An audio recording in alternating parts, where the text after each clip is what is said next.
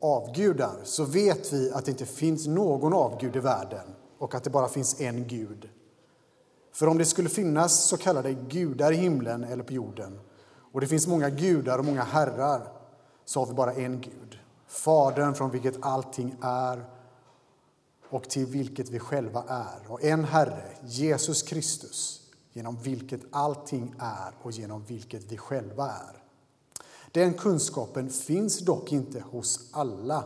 Några är fortfarande så vana vid avgudarna att de äter köttet just som avgudaoffer. Och då blir deras svaga samvete fläckat. Men det är inte maten som för oss närmare Gud. Äter vi inte så förlorar vi inget. Och äter vi så vinner vi inget. Men se till att den frihet ni fått inte blir till fall för de svaga. För om någon får se hur du som har kunskap ligger till bords i ett avgudatempel blir inte då den som har ett svagt samvete uppmuntrad till att äta av köttet från avgudaoffren? Genom din kunskap går då den svage förlorad, din broder som Kristus har dött för. När ni nu på så sätt syndar mot bröderna och sårar deras svaga samveten, då syndar ni mot Kristus. Alltså, om maten blir till fall för min broder tänker jag aldrig mer äta kött, så att jag inte blir orsak till min broders fall. Så lyder Herrens ord. Tackar dig.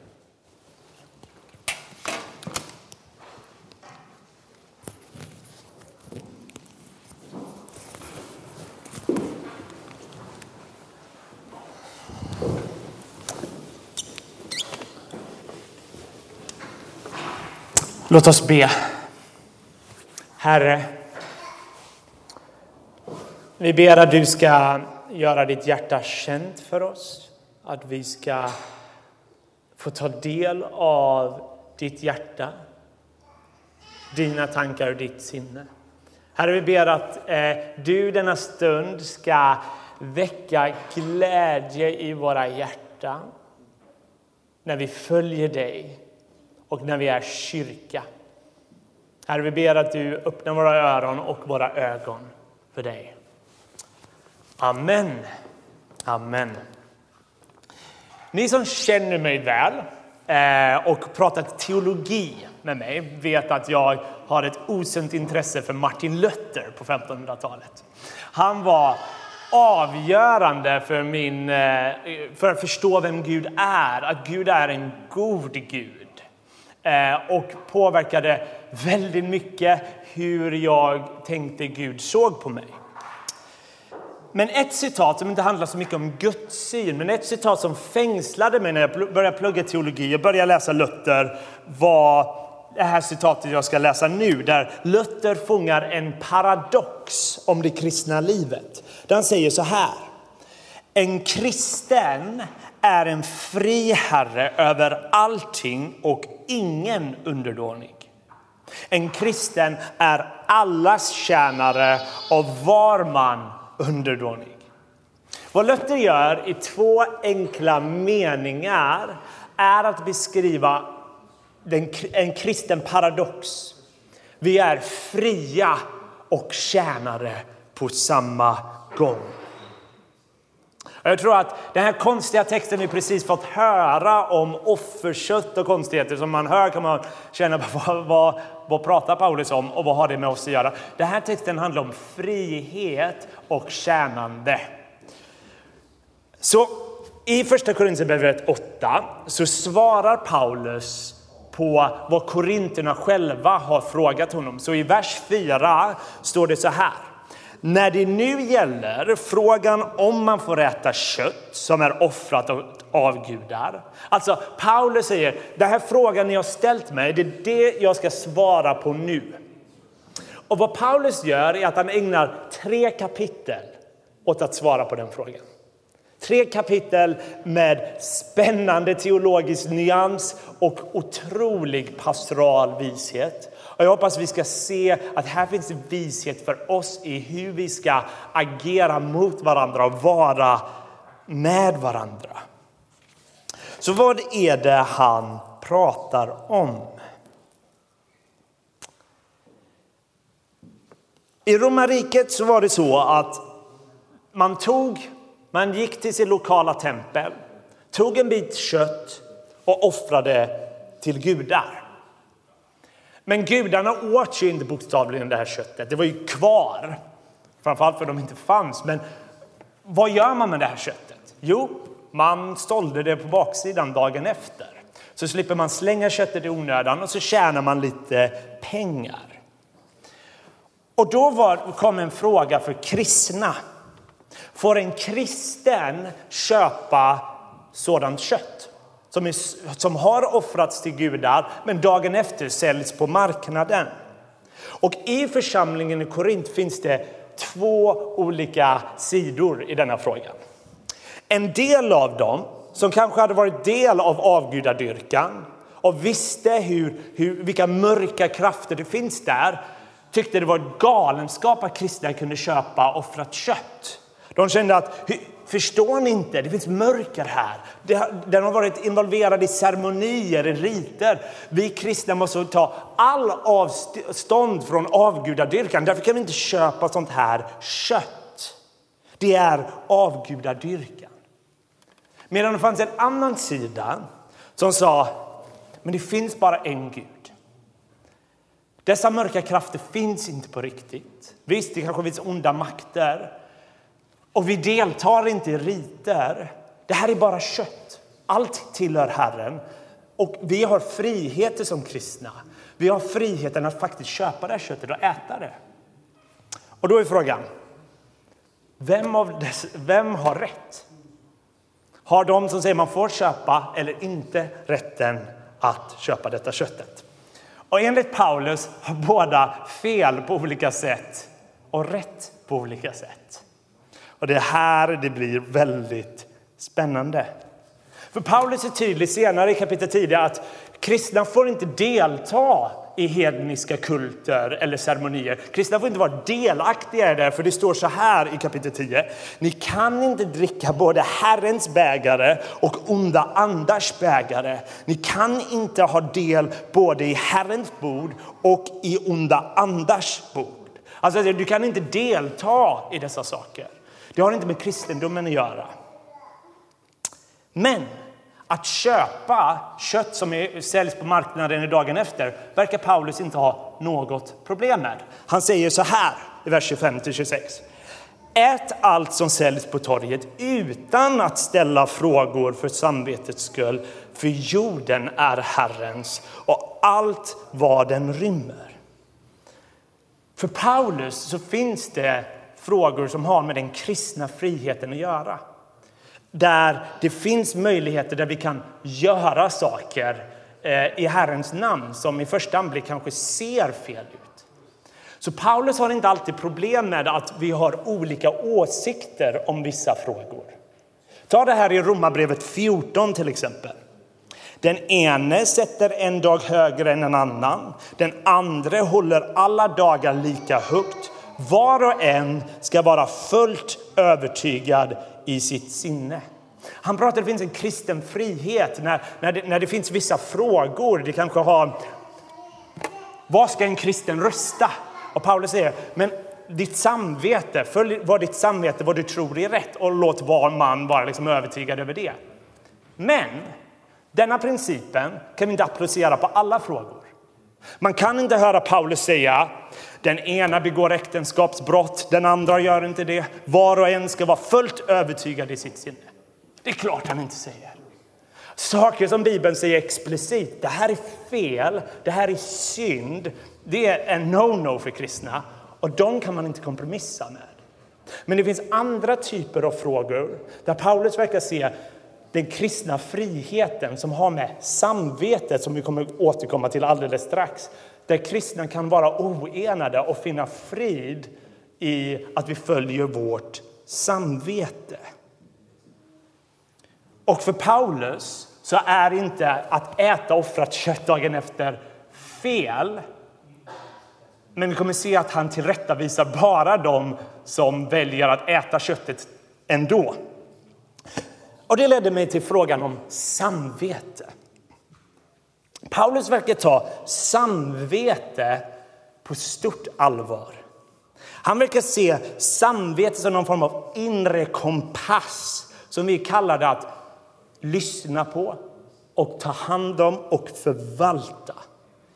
Paulus verkar vilja beskydda vårt samvete. Jag vet inte om ni tänkte på det när Pierre läste en text, eh, texten innan. Där pratade Paulus om folk som har ett svagt eh, samvete och ett starkt samvete. Vad han menar med frasen svagt samvete är inte vad vi kanske skulle höra när vi hör det ordet. När vi hör det så kanske vi tänker mm, det är en människa som inte känner skuldkänslor. En människa som liksom har, har, har inget samvete. Det är inte vad Paulus menar här. Ett svagt samvete är någon som tror något är dåligt som inte är dåligt.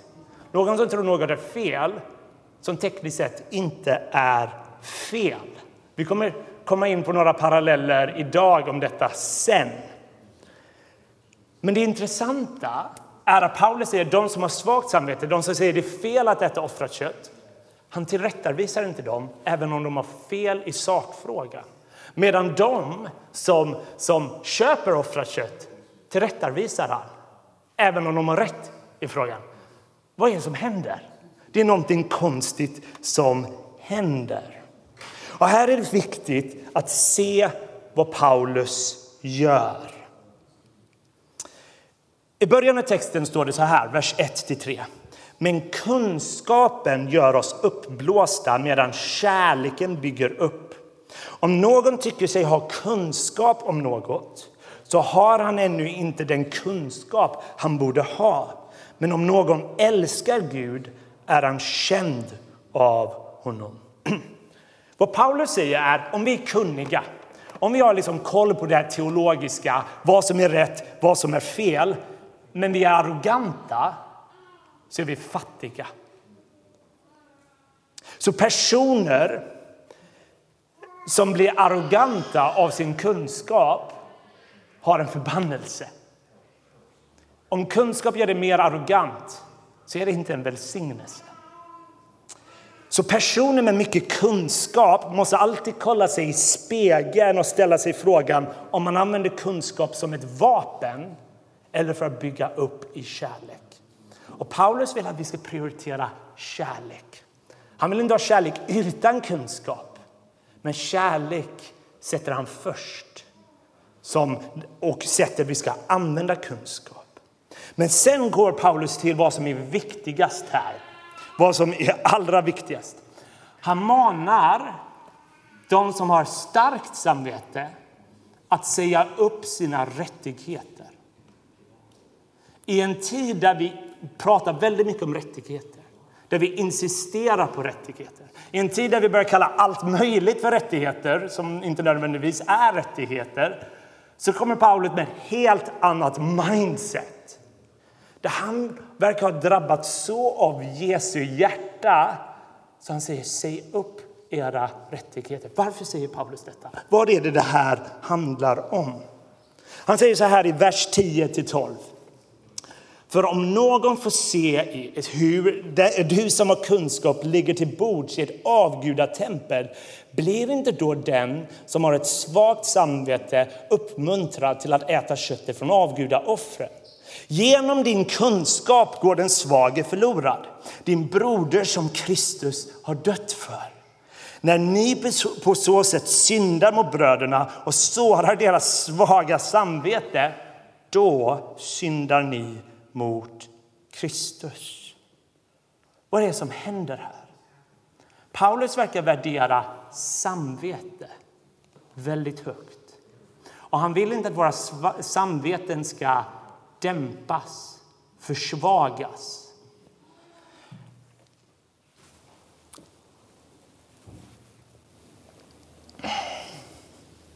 Tänk dig att du vandrar i Korints gator och du går förbi Dionysus tempel och du ser ingen annan än Jakob Runnefors. Och du bara, vad gör du här Jakob? Han bara, jag har fått en riktigt bra deal på en saftig fläskfilé. Och du bara, det här är ett tempel. De har ju använt det här i kulter, i riter. Vad gör du?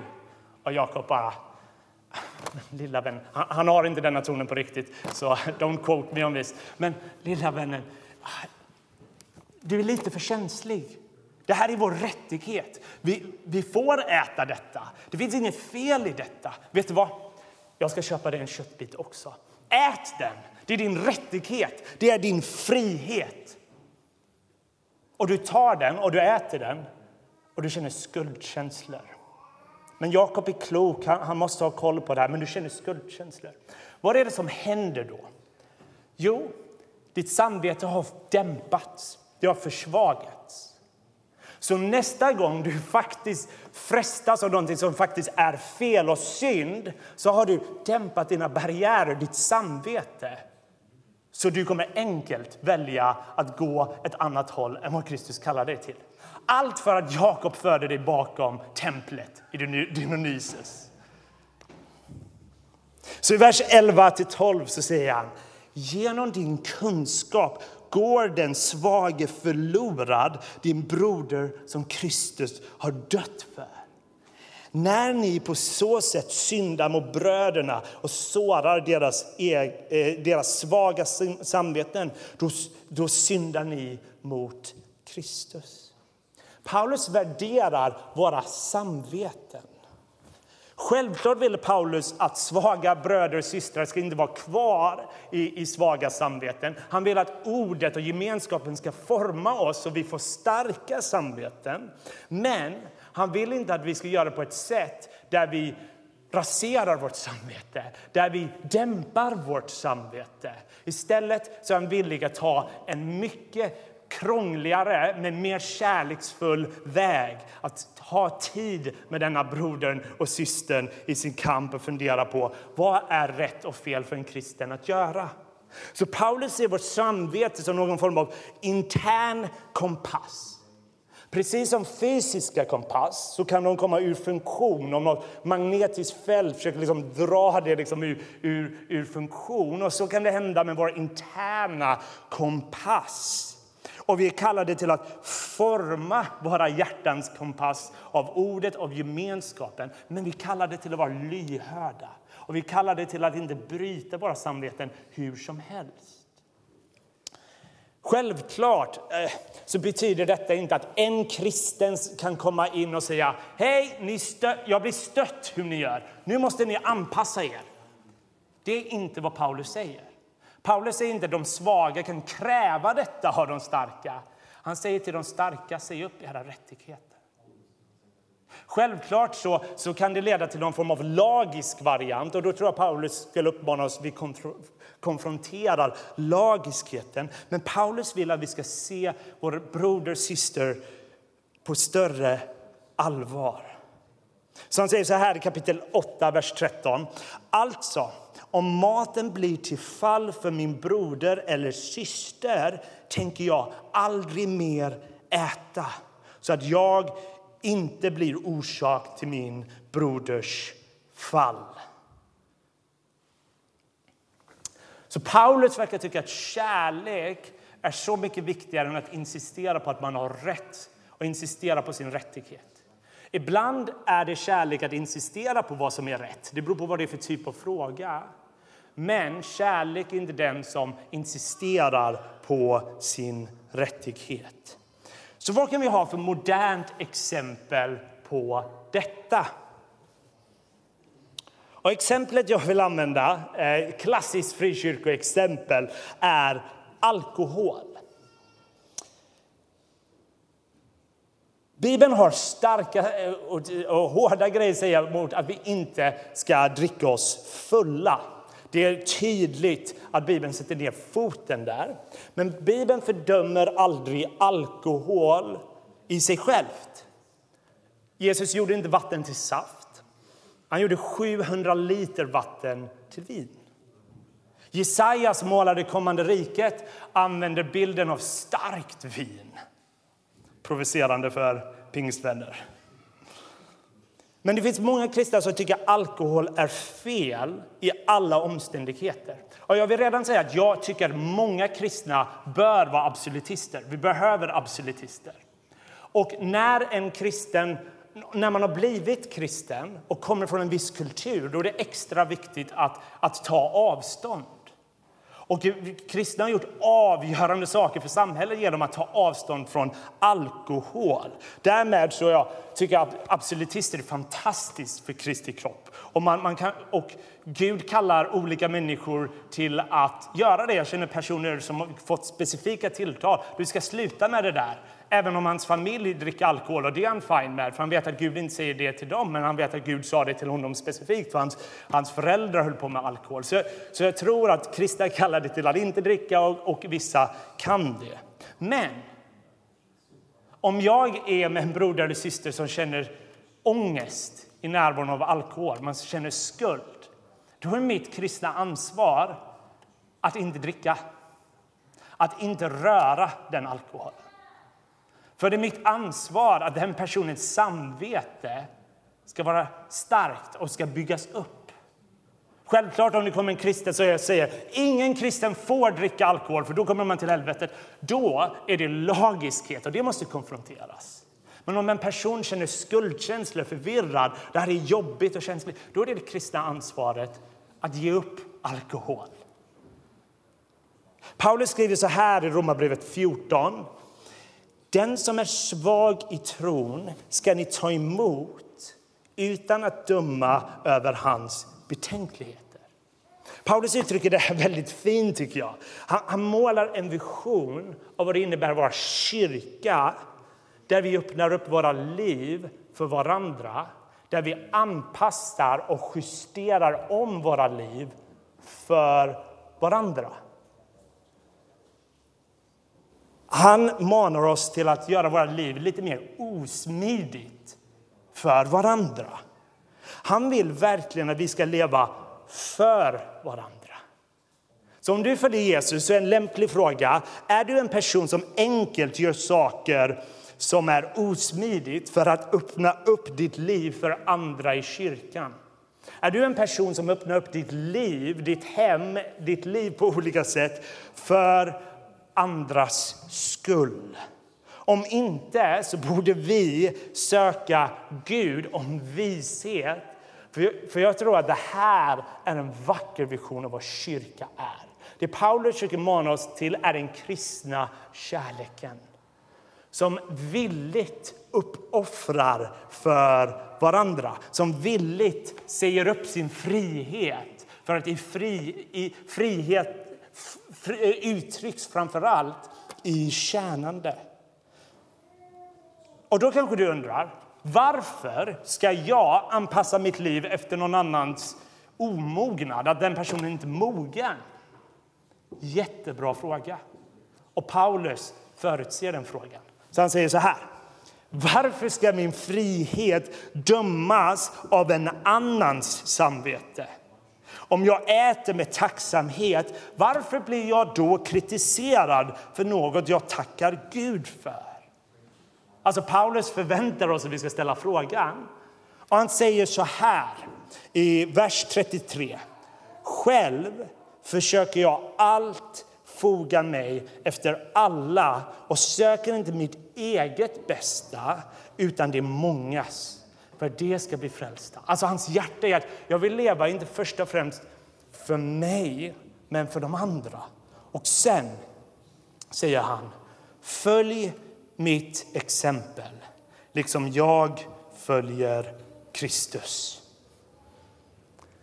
Det kanske låter konstigt med en kristen som säger imitera mig. Gör vad jag gör, så blir det bra. Men sanningen är att vi som kristna måste ha förebilder. Kristna förebilder. Det borde vara naturligt om ett, kristet par, eller ett par blir kristet precis, att ett annat kristet par bjuder in dem. Hej, umgås med oss ofta. Så får de se och formas av vad innebär det att vara ett gift kristet par. Hur agerar man? Hur uppoffrar man för varandra? Om du är som många eh, i denna församling är, en ny mamma eller en ny pappa. Vad för gudaktiga mammor och pappor finns i kyrkan som har gått före, som vi kan ta efter? Ehm, min favoritteolog är D.A. Carson. Han brukar ge ett spännande exempel när han var 19-20 år. Han hade en vän som var icke-troende, som hade massa stora teologiska frågor. Liksom, vad innebär det här? Vad innebär det här? Så tänkte Carson, han, han var inte så lärd än, oh, jag har en kompis som har läst på jättemycket, han är lite äldre än oss, men vi kan fråga honom alla dessa frågor. Så de går till hans kompis som är liksom mer lärd och så ställer han icke-troende kompisen massa frågor om världsreligioner, allt möjligt. Och Carsons äldre kompis säger, jag har inte tid för detta. Alla tappar hakan. Va? vad, vad sa du? Jag har inte tid för det här. Visst, jag har böcker som du kan läsa, som du kan eh, lära dig med alla dessa frågor. Men jag har inte riktigt tiden att svara på dessa frågor. Men om du, är, om du på allvar undrar om kristendomen är sann, watch me. De tappar hakan igen och de bara, vad i hela världen håller du på med? Och så säger han, flytta in hos mig i en månad. Jag betalar din mat, du får bo gratis. Se hur jag, vad jag prioriterar, hur jag för mig med människor, vad jag längtar efter, vad jag drömmer om. Och säg sen om det finns någon skillnad. Och då är min fråga till oss, har vi någonsin sagt watch me? Självklart så kan det leda till någon väldigt osund. Oj, vad självrättfärdig jag är. Kolla vad bra jag är. Det där är supersunkigt. Men det finns en övertygelse av att Kristi kärlek märks när människor följer Jesus. Det märks. Människor har andra prioriteringar. Människor uppoffrar andra saker. Och därmed så är här tanken imitera mig inte en konstig kristen tanke. Och Paulus vill nämligen lära ut någonting han själv lever ut. I kapitel 9, som jag inte eh, kommer läsa nu, så berättar Paulus om hur han sa upp sina rättigheter. Han hade rätt att gifta sig som apostel, men han sa upp det för han vill vara fri för evangeliet.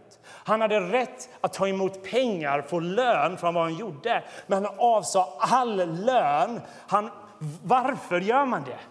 Han vet att han måste jobba extra mycket med annat sekulärt yrke, ägna mängder, mängder timmar, mycket, mycket mindre eh, sömn. Varför tar han inte emot pengar? Jo, som han säger i eh, kapitel 10, vers 9. Jo, att som förkunnare få lägga fram evangeliet utan ersättning och inte utnyttja den rättighet som evangeliet ger mig. Alltså han vill göra evangeliet så klart och tydligt att det här är Guds fria gåva till oss. Så han vill se till att jag får inte betalt för att berätta detta. Det här är Guds fria gåva. Vad är det som har hänt med en person som Paulus? Jo, det är som han säger. Han vi ska imitera honom så som Christ, han imiterar Kristus. Och Kristus sa upp alla sina rättigheter.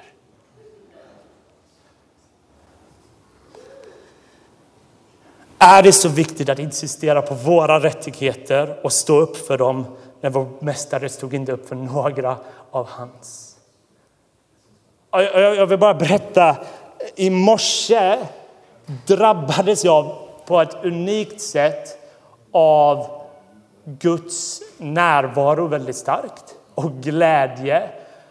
Och det ledde till mig att jag fick en nöd att vilja bara säga någonting här i slutet om Guds godhet.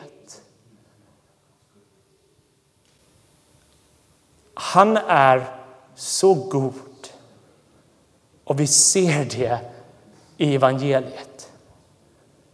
Han har ett så milt och gott hjärta. Så all vår bröstenhet, alla våra rädslor så är Kristus med oss och mitt ibland oss. Om vi har känt att vi har sår i våra liv som det kommer aldrig kunna läkas så är det en lögn. Om du tror att kommande riket inte kan läka dina kommande sår så har du inte greppat storheten. Du kommer ha en större lättnad.